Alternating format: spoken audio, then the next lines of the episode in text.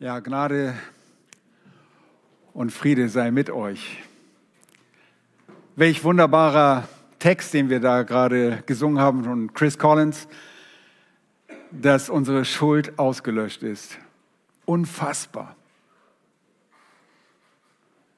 All unsere Schuld hat der Jesus Christus an das Kreuz getragen. Wenn das kein Grund zur Freude ist, dann weiß ich nicht, was ein Grund zur Freude ist. Unser Gott hat sich dazu entschieden, sich nicht mehr an unsere Schuld zu erinnern. Wir können es sehr wohl, aber unser Gott wird es nicht tun. Und deshalb haben wir ewiges Leben und können auch die Herrlichkeit erreichen, die er für uns bestimmt hat. Wir sind so dankbar dafür. Wir sind eine glaubende Gemeinde, in der Gnade Gottes, so wie einst schon die Thessalonicher, die sich von den Götzen bekehrt und abgewendet haben zum lebendigen Gott hin, zu dem Herrn Jesus Christus, auf den wir auch warten. Mir wurde es in diesen Tagen wieder so neu bewusst, dass wir nicht auf irgendein Gericht warten, nicht auf irgendein großes Ereignis in der Geschichte, das irgendeinem Heilsgeschehen vorausgehen muss, sondern wie wir es schon beim letzten Mal betont haben, wir warten auf die Entrückung der Vereinigung mit unserem Herrn Jesus Christus. Das ist das, was im nächsten Augenblick stattfinden kann. Darauf warten wir. Und das macht uns froh.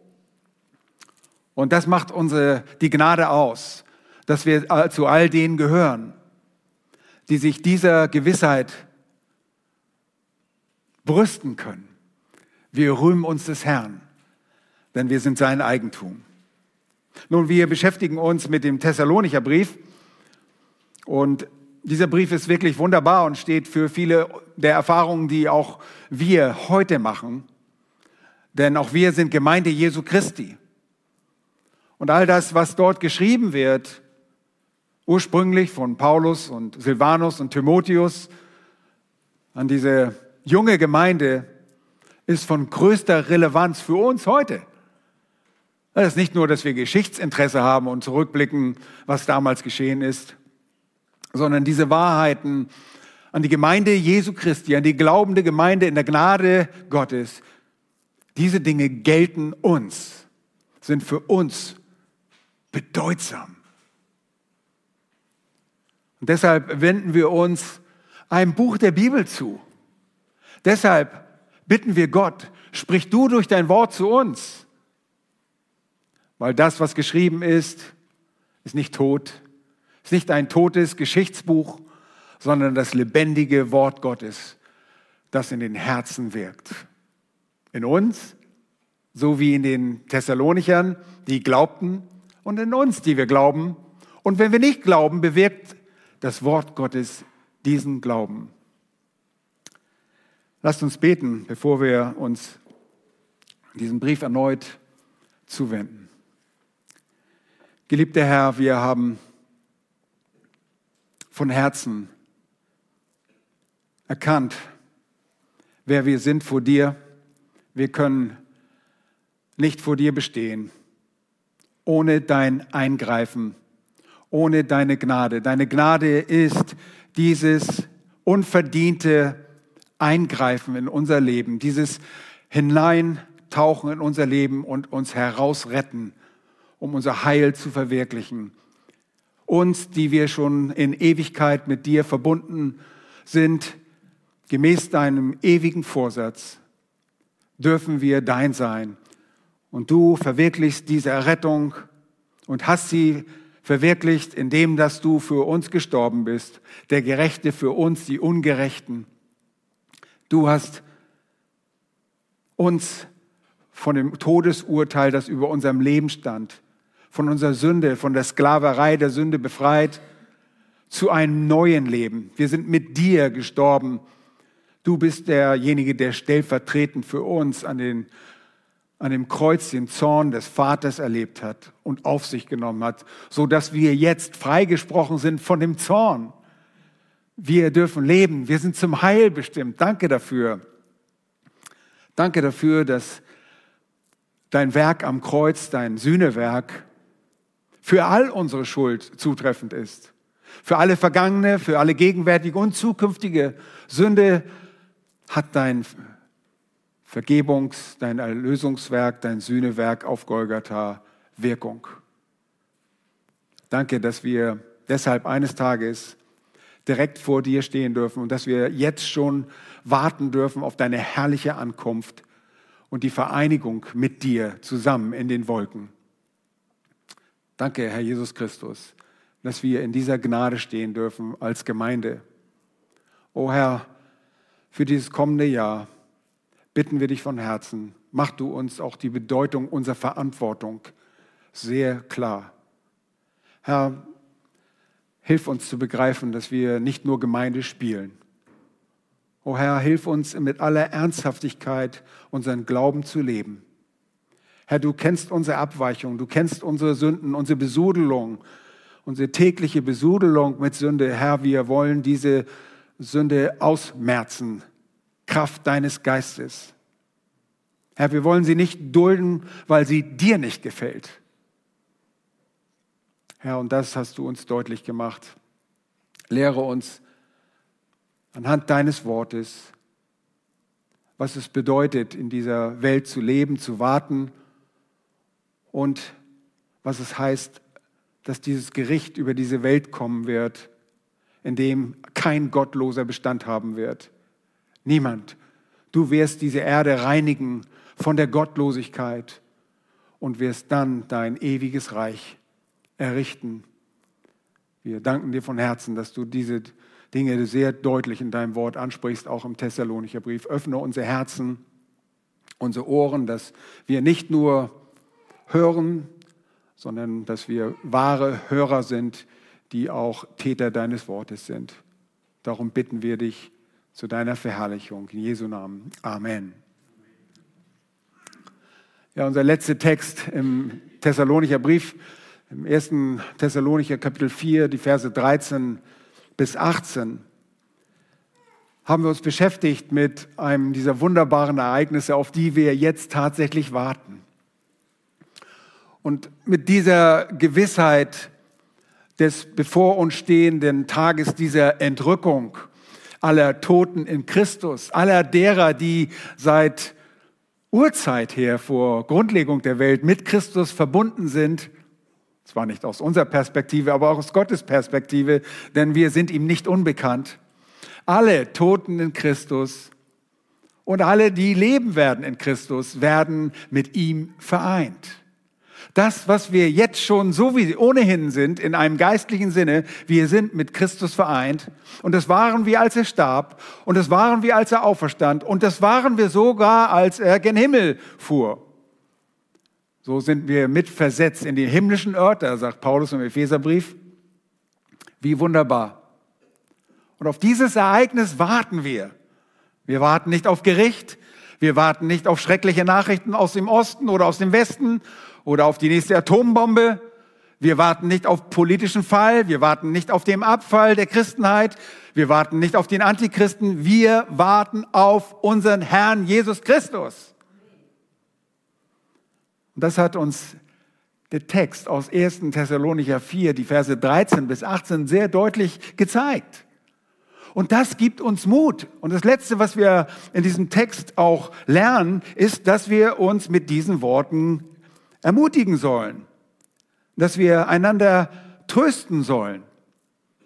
Einmal darüber, dass die Verstorbenen in Christus mit uns zusammen diesen Tag erleben werden, aber darüber hinaus, dass wir Leben haben und mit unserem Herrn, mit Christus vereinigt werden. Nun auch der nächste Abschnitt, der jetzt kommt im Kapitel 5, ist ein Abschnitt, der um der Ermutigung willen gegeben wurde. Wenn ihr nur einmal ganz kurz schaut, 1. Thessalonicher 5, Vers 11, da lesen wir ähnliche Worte wie zum Ende von Kapitel 4. Da heißt es, darum ermahnt, da ist das Wort, das wir sehr wohl kennen, Parakaleo, das ist auch Ermutigung, deshalb ermutigt einander und erbaut einer den anderen, wie ihr es auch tut. Nun, die Übersetzer haben hier das Aman vorgezogen Und das ist in Ordnung, aber es kann genauso auch ermutigen bedeuten. Dieses Wort heißt an die Seite rufen, um jemanden zu ermutigen oder zu ermahnen.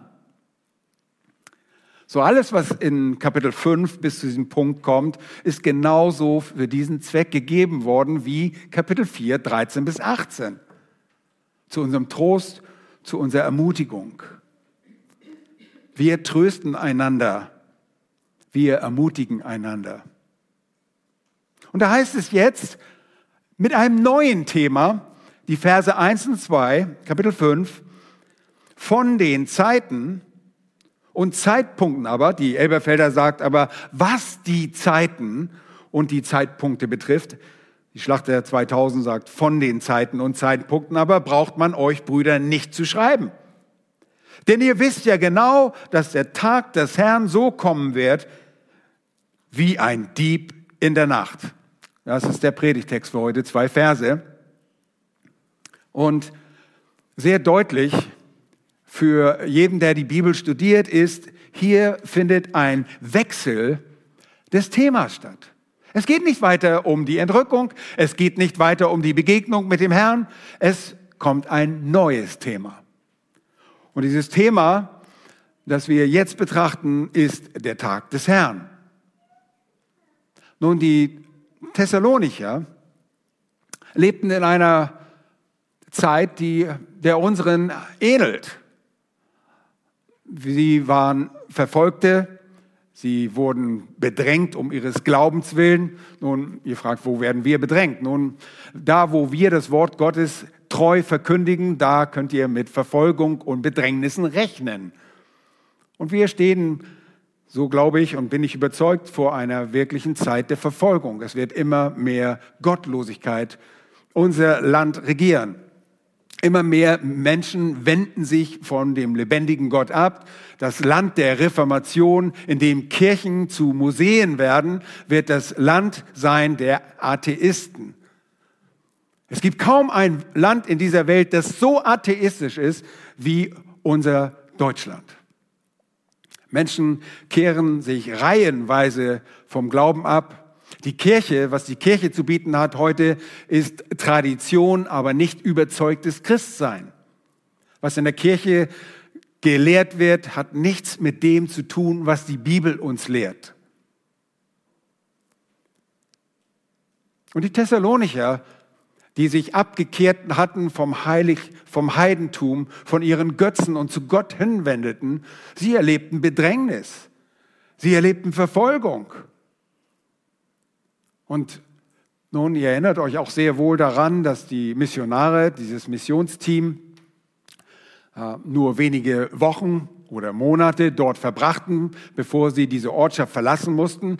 Und so gab es immer noch ein paar Fragen, die sie hatten in Bezug auf die Endzeit. Nun, lass mich eins gleich vorausnehmen. Sie waren sehr wohl belehrt, was den Tag des Herrn betrifft. Sie waren gut belehrt. Sie hatten es, schaut einmal den Text, von Zeiten und Zeitpunkten da stehen zwei Worte, einmal Kronos und Kairos, einmal von, von der Zeit, von, dem, von der Chronologie als solche und von den Zeitpunkten, von den Epochen beziehungsweise von den Ereignissen, braucht man euch Brüder nicht zu schreiben. Na nu, wieso braucht man ihn nicht zu schreiben? Vers 2 sagt sehr deutlich, die Begründung ist, denn ihr wisst ja genau. Und das Wort, das dort steht für genau, ist Akribos. Ja, wir, wenn jemand sagt, das kommt akribisch, wir kennen das Wort akribisch, wenn sich jemand akribisch für etwas einsetzt oder akribische Arbeit leistet, mit großer Genauigkeit, mit großer Sorgfalt. Sie waren sehr wohl unterrichtet. Sie wussten genau, dass der Tag des Herrn so kommen wird wie ein Dieb in der Nacht. Und das setzt voraus, dass sie den Tag des Herrn auch kannten, dass sie in diesen Dingen belehrt worden sind. Sie warteten, sie waren nur durcheinander in Bezug auf die Toten in Christus. Nun, man braucht euch nicht zu schreiben, sagt er, denn ihr wisst über den Tag des Herrn. Nun, die Thessalonicher sind uns vielleicht in mancherlei oder einigen von euch in mancherlei Hinsicht voraus. Denn wir müssen belehrt werden über den Tag des Herrn. Wir können nicht sagen, oh ja, das wissen wir auch schon alles. Nein, wir müssen uns zumindest da wieder daran erinnern, was der Tag des Herrn ist. Und das möchte ich gerne mit euch tun als eine Art Einleitung heute an diesem Sonntag, dass wir uns um diese Begrifflichkeit Tag des Herrn im Alten Testament Tag Jahwes und im Neuen Testament mit Kyrios Tag des Herrn äh, beschäftigen. Der Begriff Tag des Herrn kommt im Alten Testament 19 Mal vor. Und ihr könnt euch vorstellen, dass wir nicht die Zeit dafür jetzt aufwenden, um jeden Vers zu beleuchten, denn jeder Vers bedeutet auch ein anderer Kontext, ein anderer Schriftzusammenhang. 19 Mal kommt er vor und das nur bei den Propheten. Dieser Begriff, diese Begrifflichkeit, und das ist ein feststehender Begriff, Begriffe sind, äh, bestehen aus Worten, die einen technischen Begriff, einen, äh, ähm, eine ganz bestimmte Bedeutung haben.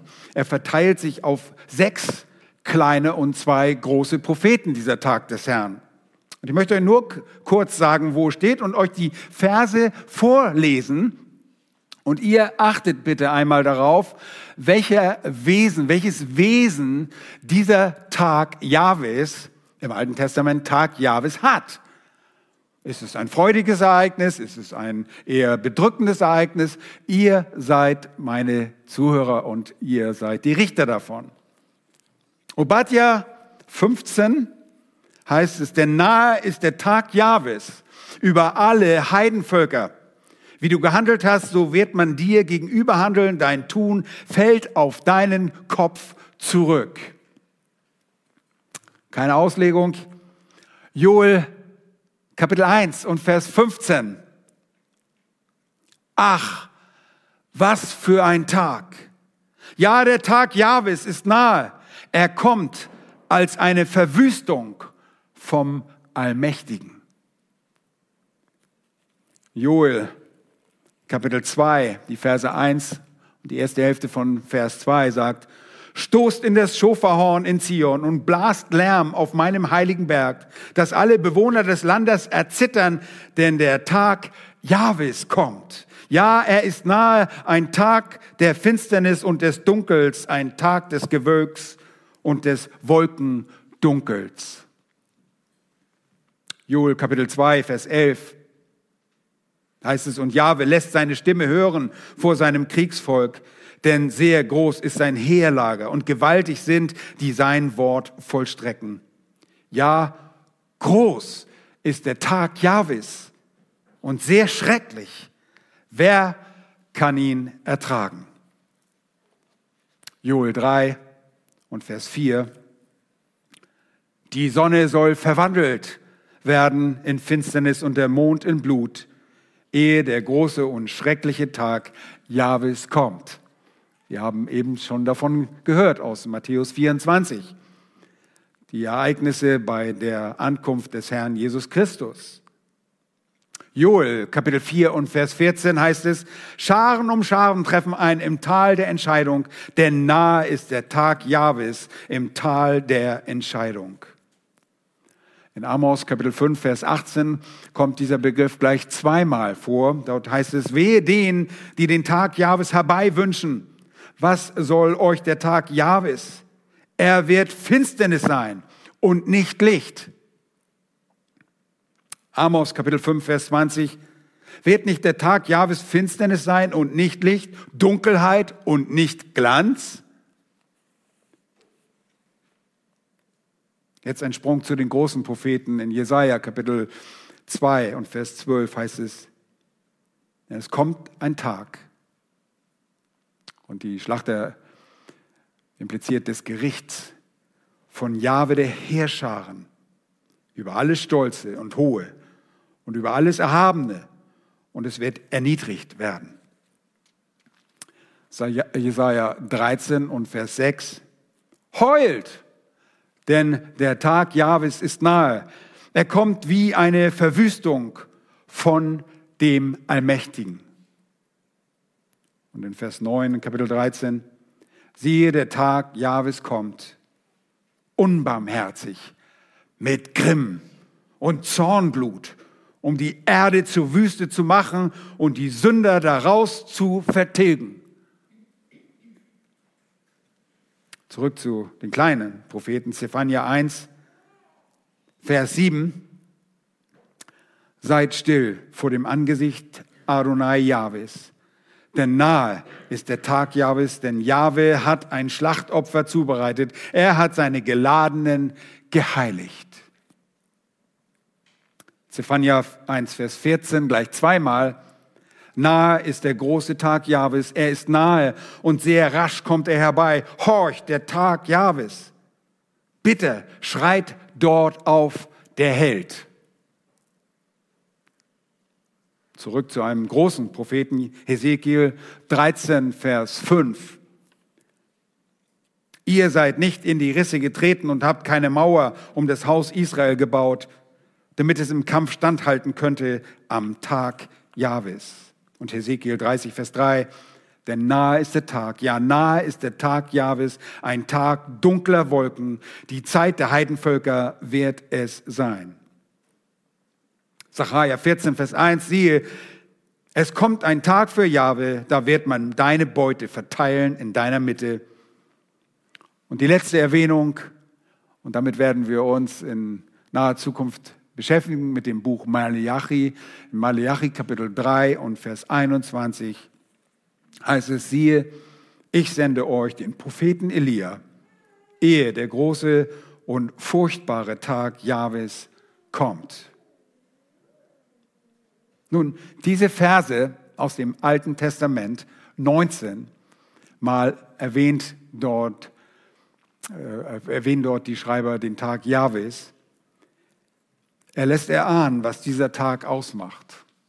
Was ist euer Fazit? Ein wunderbarer Tag, ein Tag, an dem wir an den Strand fahren und uns sonnen, oder ein Tag der Furcht, des Zornes Gottes. Das sind keine Worte, die in erster Linie als Ermutigung als Kinder Gottes gerichtet sind, obwohl sie es in gewisser Weise schon sind, denn Gott zeigt dort auch seine Gerechtigkeit. Gott wird die Gottlosen vertilgen. Der Tag Jahwes hat immer mit Vertilgung zu tun.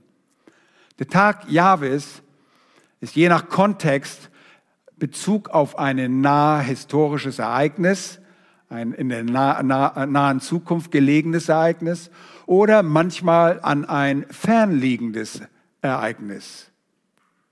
Manchmal werden diese beiden miteinander kombiniert und die nahe Erwartung des, der Erfüllung dieses Tages ist oftmals eine Vorschattung, eine, ein Modell für das, was in der Zukunft im eschatologischen Tag Gottes stattfinden wird.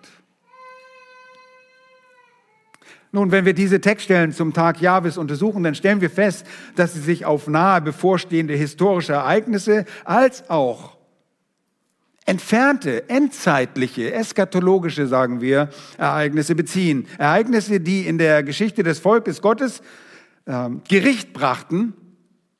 Und das sehen wir im Alten Testament, in dem Gott Assyrien als Gerichtswerkzeug für das Israel, die Nordstämme gebraucht oder eben auch Babylon ankündigt, als Tag des Herrn kommt Babylon über das Südreich und führt Juda in die Gefangenschaft nach Babylon.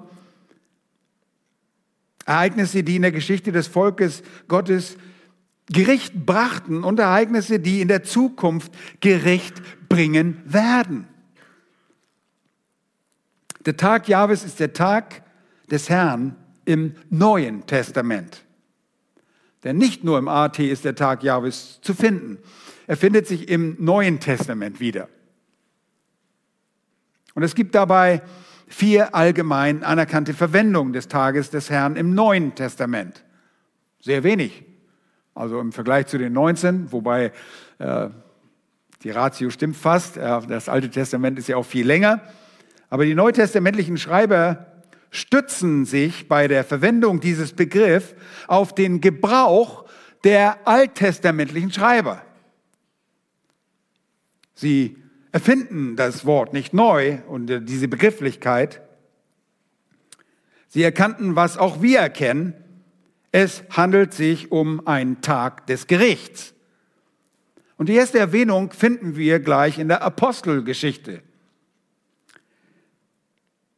In Apostelgeschichte 2, Vers 19 und 20 berichtet Lukas, Lukas als Schreiber der Apostelgeschichte, als erster den Tag des Herrn.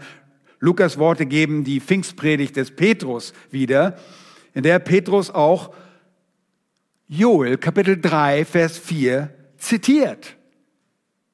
Und er sagt genau das. Ich lese nur Apostelgeschichte 2, 19 und 20. Achte besonders auf Vers 20. Und ich will Wunder tun oben am Himmel und Zeichen unten auf Erden, Blut und Feuer und Rauchdampf. Vers 20. Die Sonne wird sich in Finsternis verwandeln und der Mond in Blut, ehe der große und herrliche, wird von der Schlachter so übersetzt und ist ähm, in der Septuaginta die aufregen, aufsehenerregende Tag des Herrn kommt. Also ehe der große und aufsehenerregende Tag des Herrn kommt. Nun, er ist auch herrlich, denn Gott offenbart seine Herrlichkeit auch in seinem Zorn. Das ist die erste Erwähnung. Paulus und seine Begleiter verwenden diesen Begriff gleich zweimal in den Brief, den wir, in diesen Briefen, die wir uns gerade anschauen, einmal im ersten Thessalonicher Brief und dann auch noch im zweiten Thessalonicher Brief, Kapitel 2, Vers 2. Also das erste Mal hier in unserem Text, 1. Thessalonicher 5, Vers 2 und das zweite Mal im zweiten Thessalonicher Kapitel 2, Vers 2.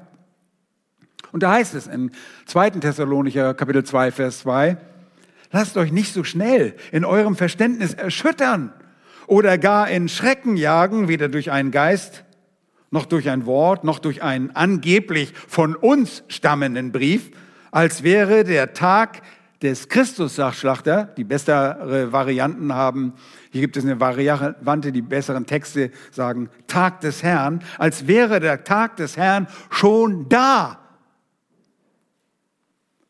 Und offensichtlich hatten die Thessalonicher ein Problem damit, mit all den Dingen, die um sich, war, äh, um sich her geschahen, die Verfolgung, die harte Zeit, die sie durchmachten, dass sie vielleicht glaubten, sie wären bereits in diesem Tag des Herrn. Nun, der dritte neutestamentliche Autor, der den Begriff verwendet, ist dann Petrus selbst. Und zunächst hat er das in Apostelgeschichte in seiner Pfingstpredigt äh, erwähnt, aber jetzt schreibt er auch davon. Und zwar spricht er von dem endgültigen Gericht, das über die uns bekannte, bekannten Himmel und unsere Erde am Tag des Herrn kommen wird. Das könnt ihr nachlesen in 2. Petrus Kapitel 3 und Vers 10. Und hört einmal hin, mit welcher Endgültigkeit hier das Gericht kommt. Da heißt es, es wird aber der Tag des Herrn kommen wie ein Dieb in der Nacht, dann werden die Himmel mit Krachen vergehen, die Elemente aber von Hitze sich auflösen und die Erde und die Werke darauf verbrennen. Seht ihr, sagen wir schon immer wieder, vor allen Dingen allen Umweltschützern, die dadurch sehr erschreckt sind, dass ihre Welt verbrennen wird. Aber das ist die Tatsache, diese Welt, so wie wir sie kennen, wird nicht weiter existieren. Nun, auch wenn sie noch äh, etwas über tausend Jahre existieren wird, weil das Millennium, das tausendjährige Reich wird noch auf dieser Erde stattfinden. Aber Petrus spricht von dem endgültigen Gericht, das über diese Erde kommen wird am Tag des Herrn. Die Erde, wie wir sie kennen, wird verbrennen. Und es gibt ein weiteres Vorkommen in 1. Korinther 5, Vers 5, aber die Worte in ihrer Wiedergabe sind umstritten. Auch da handelt es möglicherweise um eine Textvariante. Wir glauben, dass der Text sich dort eher auf die Vereinigung des Herrn Jesus mit den Seinen bezieht, nicht auf das Zorngericht der Gottlosen. Und eine ähnliche Stelle macht das deutlich. Schaut einmal bitte in 1. Korinther äh, Kapitel 1 und Vers 8.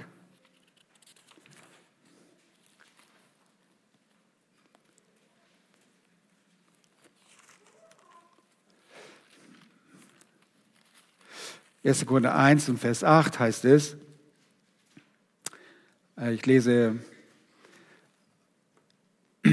von Vers 4. Ich danke meinem Gott alle Zeit eure wegen für die Gnade Gottes, die euch in Christus Jesus gegeben ist.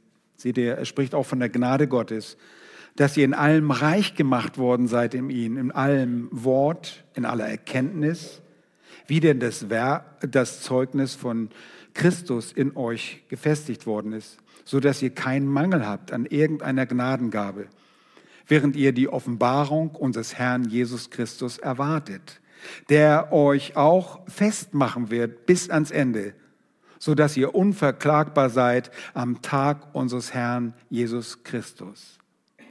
Nun, das ist nicht der Gerichtstag. Wenn wir die Stellen untersuchen, dann müssen wir folgende Wahrheiten bedenken. Der hebräische, das hebräische Zeitkonzept im Alten Testament richtet sich in aller Regel auf äh, die Qualität, nicht so sehr die Quantität.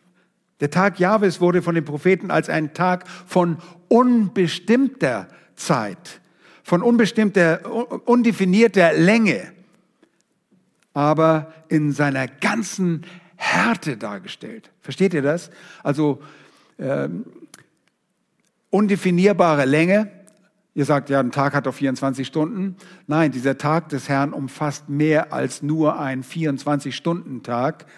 Es bezieht sich auf eine Zeit, in der Gott die ganze Härte seines Zorngerichts ausschütten wird über die Gottlosen.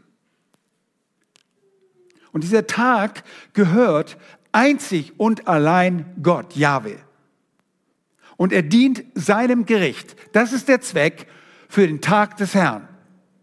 Seht ihr, Gericht trifft für uns nicht mehr zu, wie wir Kinder Gottes sind. Denn wer wurde für uns gerichtet? Jesus wurde bereits für uns gerichtet. Wir sind nicht für das Gericht bestimmt.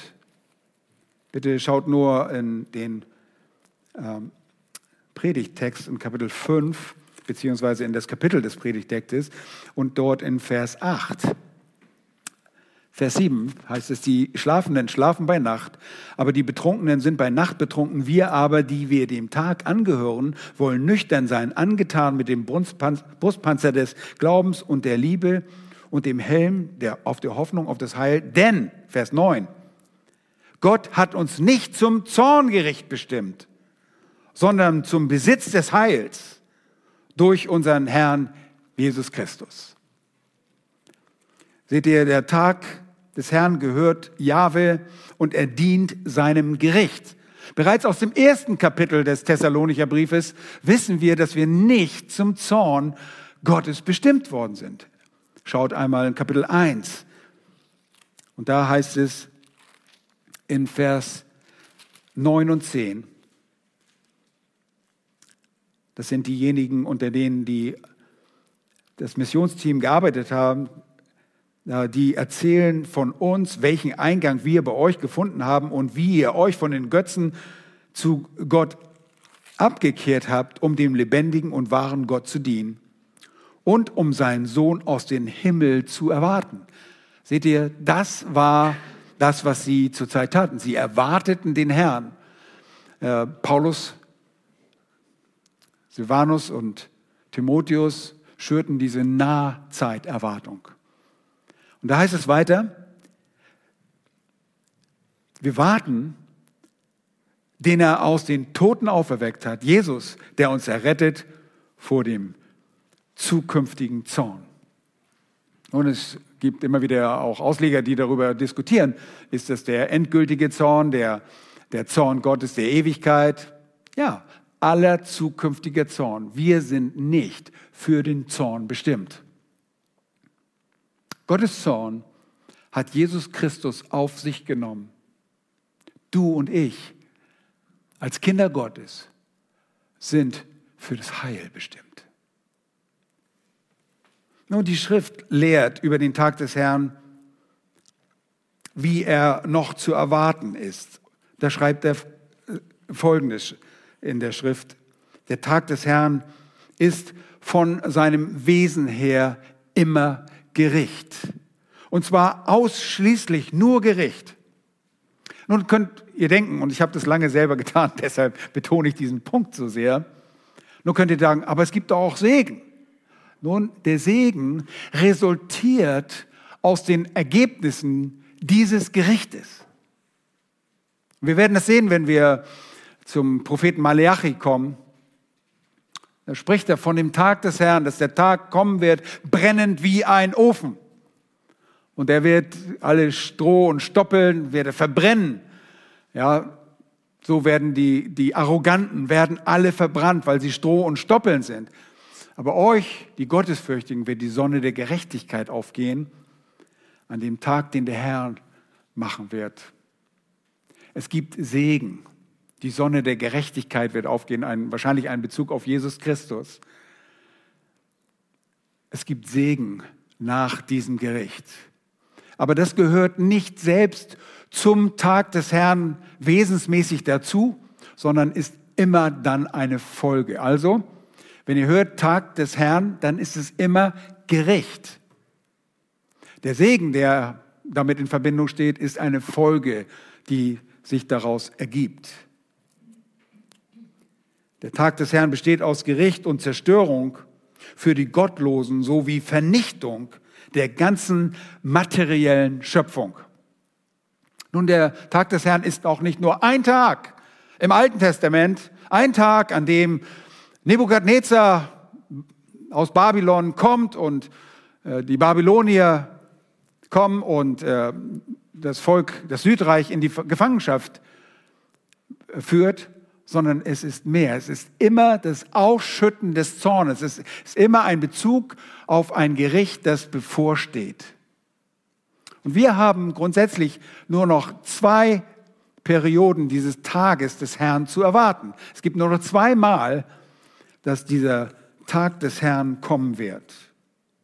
Und das ist einmal zum Ende der Drangsalzeit, die hier über diese Erde kommen wird.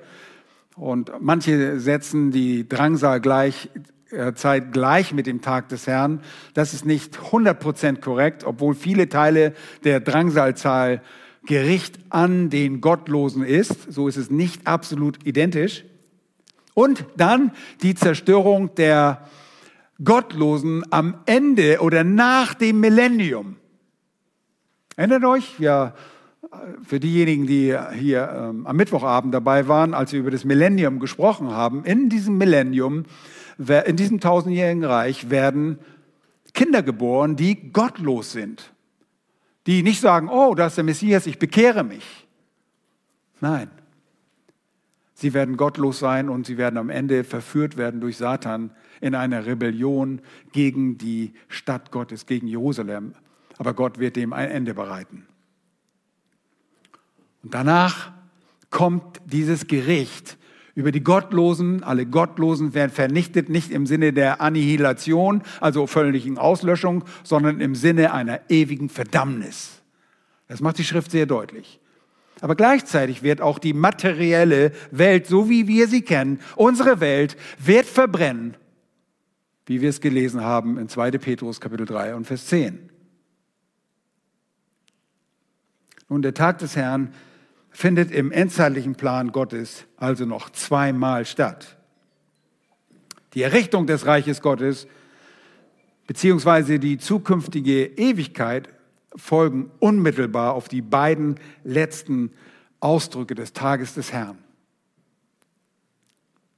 Nun, der Tag des Herrn, nochmals, er beendet die Drangsalzeit Jakobs. Er sagt, was ist das? Nun, das ist die 70. Jahrwoche, die wir aus dem Propheten Daniel kennen. Er beendet gewissermaßen der Tag des Herrn diese Zeit. Durch ihn wird die Menschheit von den Gottlosen befreit oder gereinigt. Und das macht Sinn. Wir führen uns ganz kurz die Heilsgeschichte vor Augen. Wir warten jetzt auf die was? Auf die Entrückung. Die Entrückung bedeutet, wir werden vereinigt mit Christus, werden vor den Bema, vor dem Richterstuhl Jesu Christi gestellt, aber nicht um der Sünde willen, sondern um Lohn zu empfangen. Dann kommen wir mit Jesus nach dieser Zeit, die auf Erden ausbricht, die, die Drangsalzeit Jakobs, die 70. Jahrwoche, kommen wir mit dem Herrn auf die Erde wieder. Zu Beginn dieser Zeit, wenn der Herr kommt, wird er Gericht abhalten. Und wer wird dort gerichtet? Die ungläubigen Nationen. Die Nationen werden gerichtet.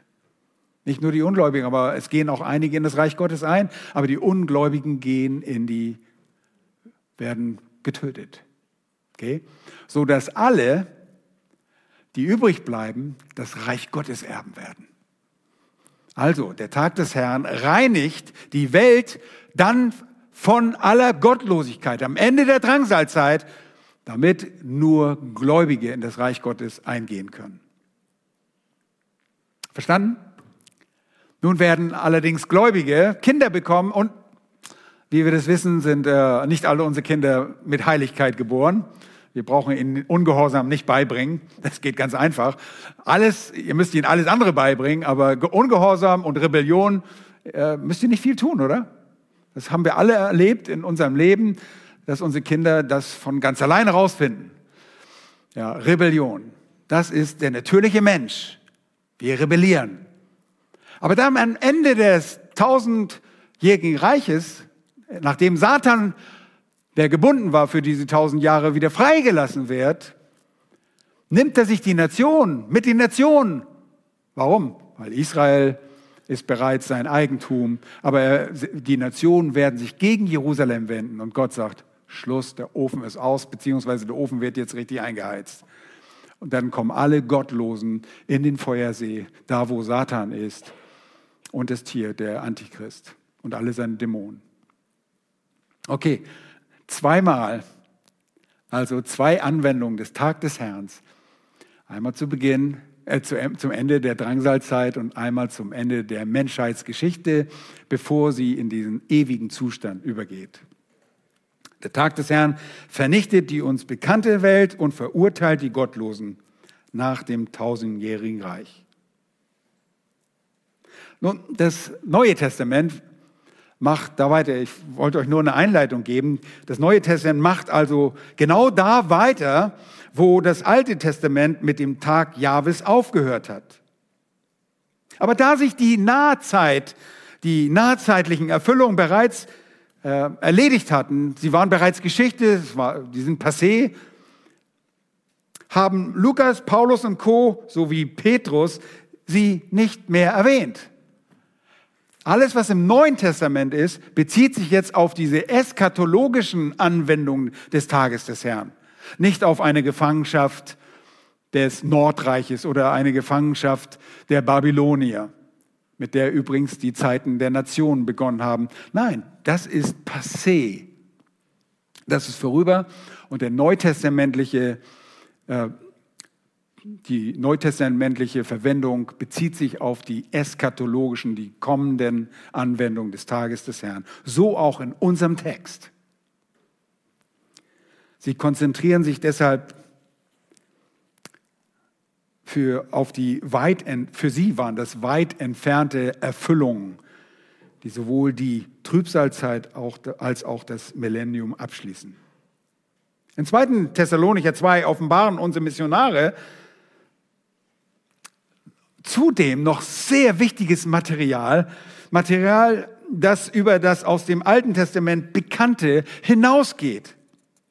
Und das werden wir uns auch noch im Detail ansehen, wenn wir uns die Stellen äh, näher unter die Lupe nehmen, aber auch im Verlaufe der nächsten Verse wird das relevant sein. Dann der zweite Brief, ich sage es nochmal, der zweite Brief des Petrus, wie schon erwähnt, führt das letzte Ereignis des Tages des Herrn an. Habt ihr das verstanden? Sagt ja oder nein? Ja. Keiner sagt ja, aber wenigstens ein paar Köpfe nicken. Sehr wahr. Nun, Petrus gibt damit weder eine Grundlage, wenn er davon spricht, von einem endgültigen Gericht, dass der Tag der Anfang der Entrückung ist oder dass es noch dafür, dass ihn durch das Millennium das Millennium verlängert wird durch den Tag des Herrn. Das macht er nicht. Sondern es schließt sich an das Millennium an, an das tausendjährige Reich. Und wohl fällt der erste endzeitliche Teil vom Tag des Herrn in die Trübsal, aber man kann diese Ereignisse nicht unbedingt gleichsetzen. Versteht ihr das? Also nicht Trübsal und Tag des Herrn ist eins.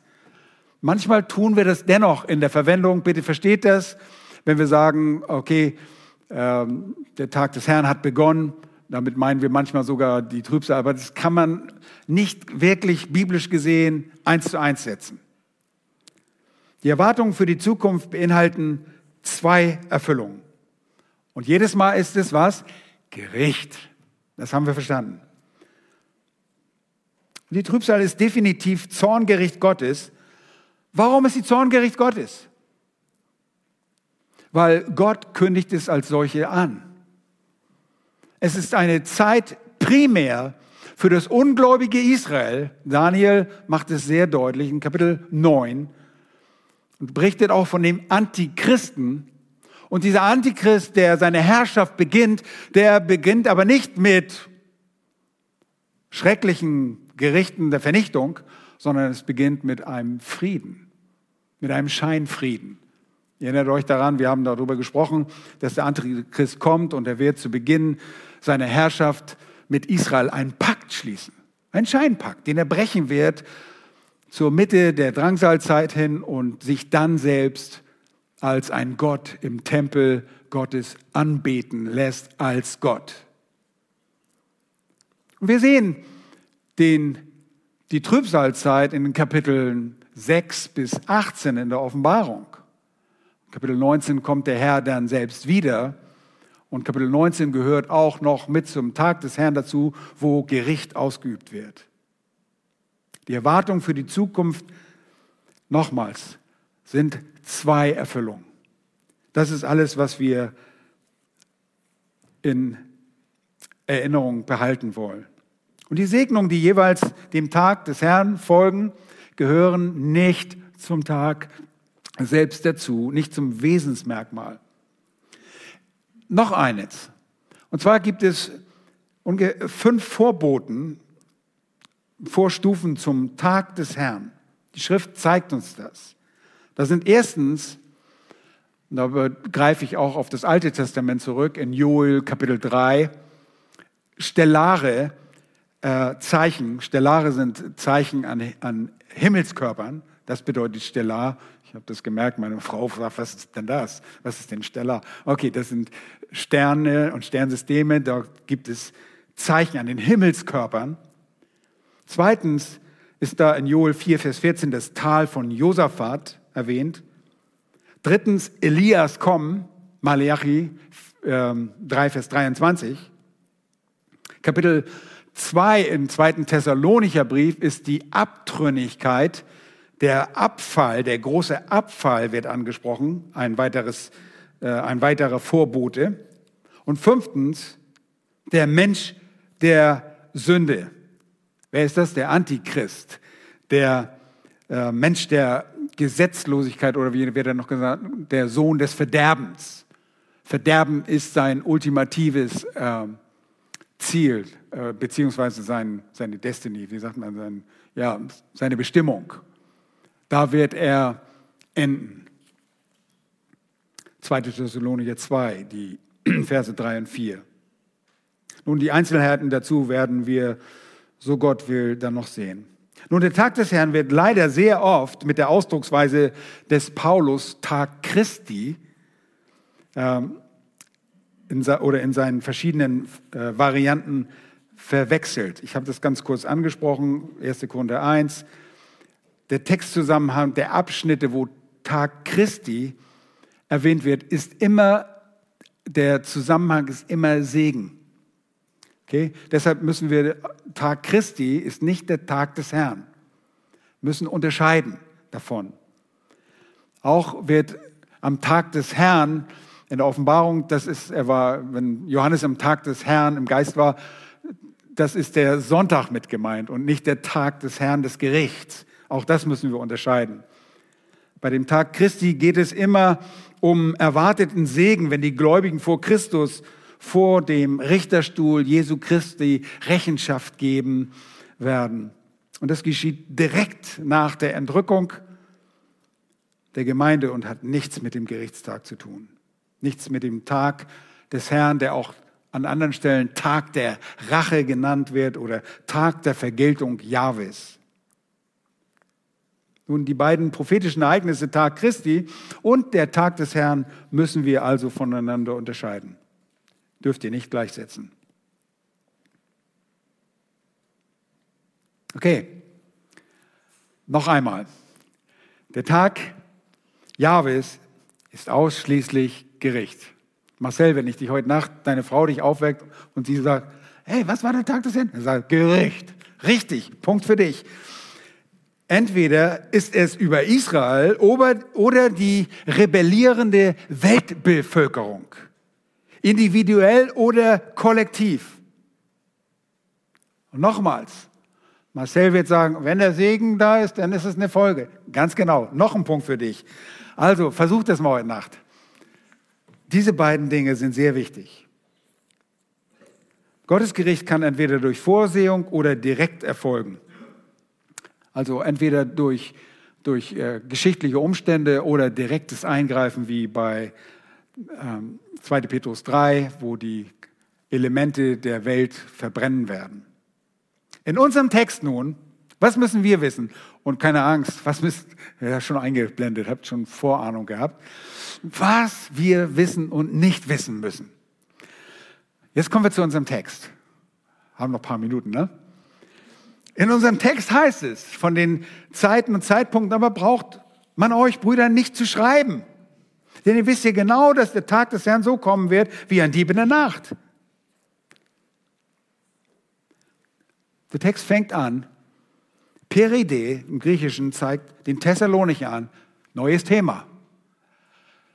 Entrückung ist abgeschlossen, fertig. Jetzt kommen wir zu einem neuen Thema. Das Thema ist nicht länger die Entrückung. Ein Wechsel geschieht. Ein endzeitliches Thema löst jetzt das nächste ab. Und offenbar hatten die Geschwister immer noch Fragen. Wann? Wann geschieht das? Ihr Lieben, das ist so aktuell. Im Laufe meines Dienstes habe ich immer wieder Leute gefunden, die wussten genau, wann der Herr wiederkommt. Und die konnten jeden geistlichen, äh, jeden Kanonenschlag geistlich auswerten. Die haben gesagt, das ist das und jetzt passiert dies und jetzt hat der Politiker das gesagt und jetzt wird das geschehen. Leute, lasst uns nüchtern bleiben in solchen Dingen. Lasst uns sehen, was die Schrift dazu sagt. Auch die Thessalonicher waren dabei und haben möglicherweise Datierungsversuche vorgenommen. Tatsache war, sie hatten eine gesunde, gute Nahzeiterweiterung. Das war das Anliegen der Missionare. Wir, die wir leben, sagt Paulus, werden denen nicht zuvorkommen, die gestorben sind in Christus. Sie hatten eine Nahzeiterwartung, dass der Herr wiederkommt. So müssen wir leben. Wir können nicht in den Tag hineinleben, als würde es immer so weitergehen. Wir müssen bereit sein. Nun zwar wurden die Thessalonicher schon von den Missionaren genauestens belehrt über den Tag des Herrn, über das Gericht. Das gehört zur Evangeliumsverkündigung dazu. Ich meine, wenn du gerettet werden willst, ja, du willst ein neues Leben haben, damit du irgendwie nicht so viel sündigst. Aber weißt du was? Wir wollen gerettet werden vor dem Zorn, der über diese Welt kommt. Ich möchte nicht dabei sein. Auch wenn in der Drangsalzeit viele Menschen zum Glauben kommen, aber sie werden alle ihren Kopf verlieren. Ihr wisst, in Offenbarung 6 und 7 lesen wir von, von, den, äh, von den Märtyrern, die in der Drangsal gestorben sind. Nun, wann würden Dinge der Endzeit geschehen? Wann sind die Zeiten, Kronos, und was sind die Zeitpunkte oder besser die Ereignisse, die Zeitalter, die Perioden? Was gehört alles dazu? Und ja, da gehören die sechs Siegel dazu, die Gerichtssiegel, die wir in Offenbarung 6 anfangen sehen und dann die Posaunengerichte und die Zorneschalen und all die Ereignisse, die geschehen. Wann geschieht all das? Und das ist nicht das erste Mal, dass Menschen das fragen. Eine ähnliche Frage bewegte auch die Jünger. Erinnert ihr euch, als Jesus äh, nach seiner Auferstehung belehrte der Herr Jesus Christus die Jünger in Bezug auf das Reich Gottes. Und dann heißt es in der Apostelgeschichte Kapitel 1, die Verse 6 und 7, da fragten ihn die, welche zusammengekommen waren, sprachen, Herr, stellst du zu dieser Zeit für Israel die Königsherrschaft wieder her? Er aber sprach zu ihm, es ist nicht eure Sache, die Zeiten und Zeitpunkte zu kennen. Kronos und Kairos ist nicht eure Sache, sie zu kennen, die der Vater in seiner eigenen Vollmacht festgesetzt hat. Jesus sagte sogar von sich selbst, nicht einmal ich weiß das. Der Vater allein hat es festgesetzt. Er wusste das nicht.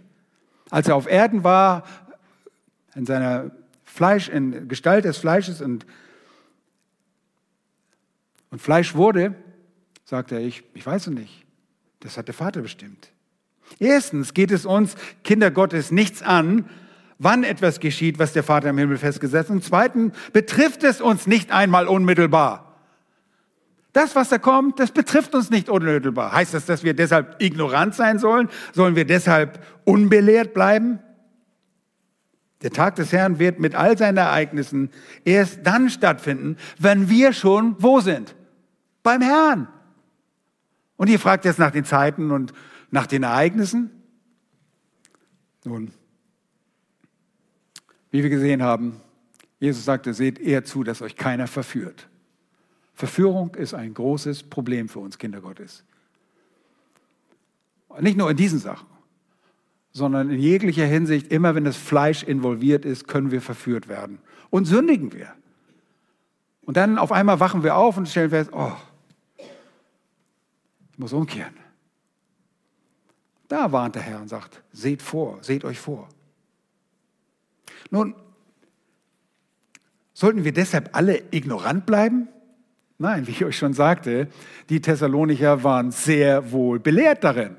Aber sie sollten aufhören, Daten, Datierungsversuche vorzunehmen.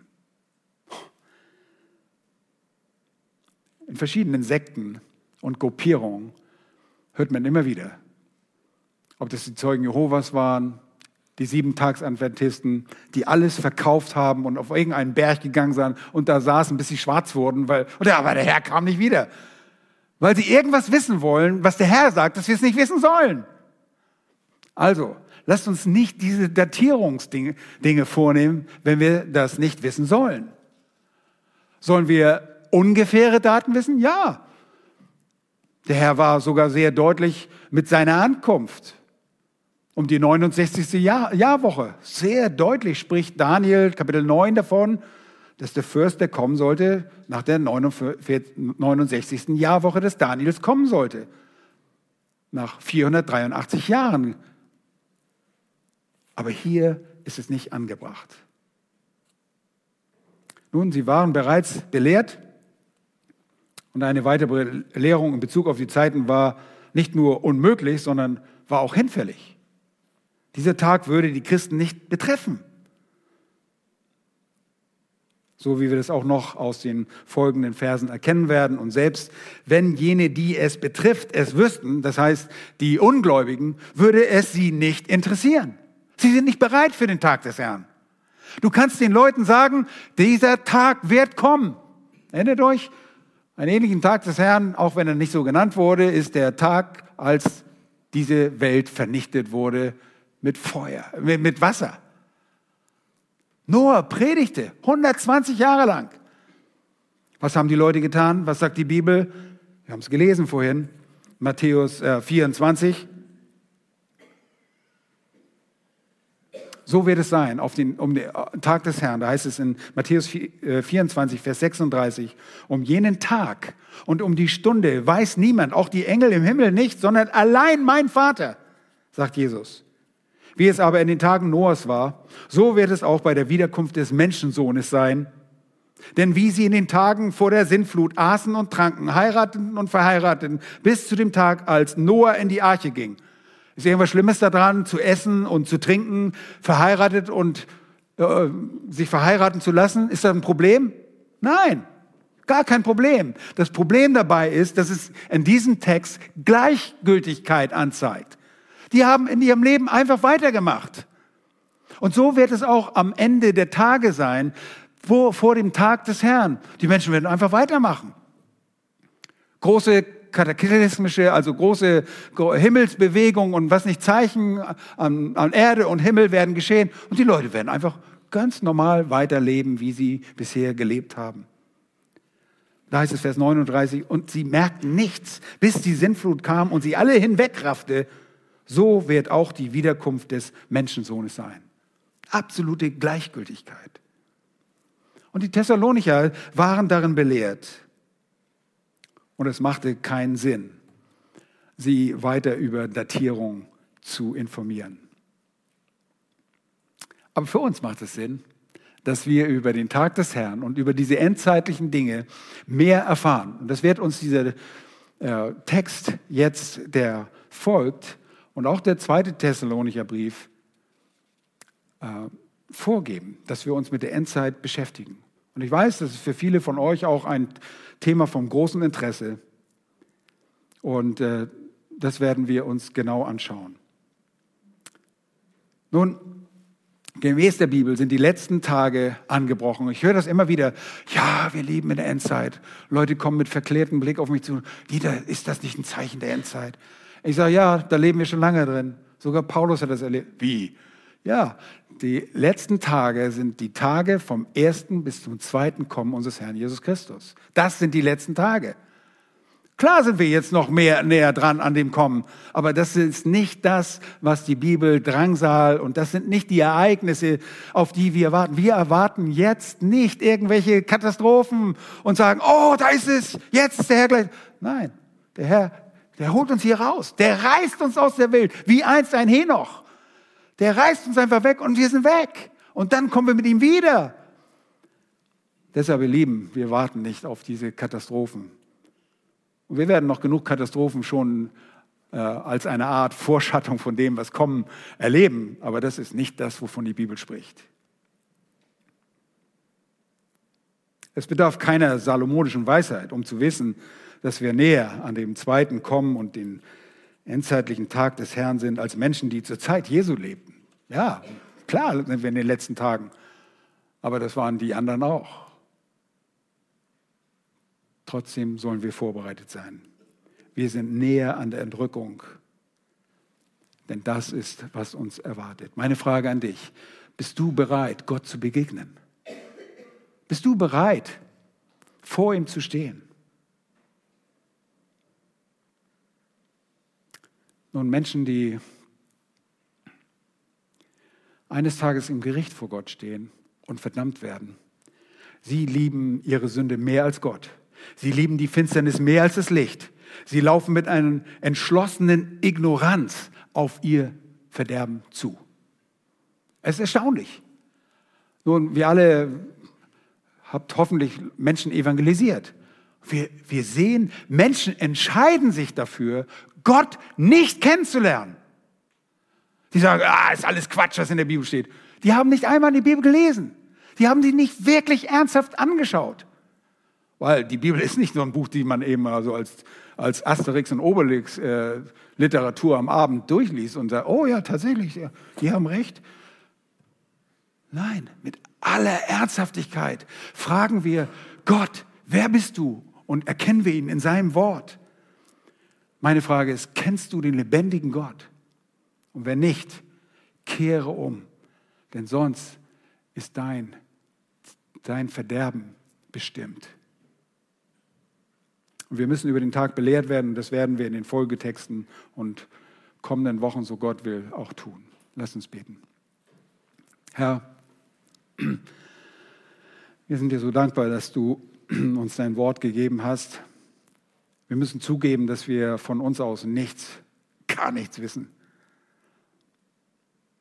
Wir gingen alle in die Ehre wie Schafe. Aber du bist uns nachgegangen und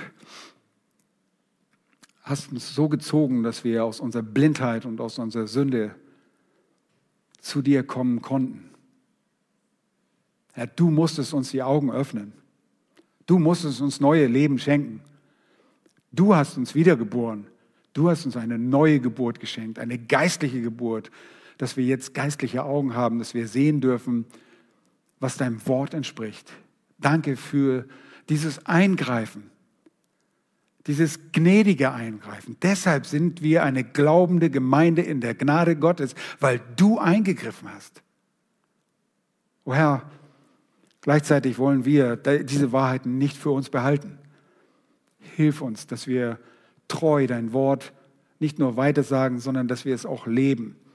Und vergib uns auch da, wo wir versagt haben, das nicht zu tun. Herr, du siehst, dass wir manchmal leben können wie die Heiden und dass wir dich völlig missachten. Aber dennoch bist du da und nimmst uns wieder auf zu dir. Und dafür preisen wir dich.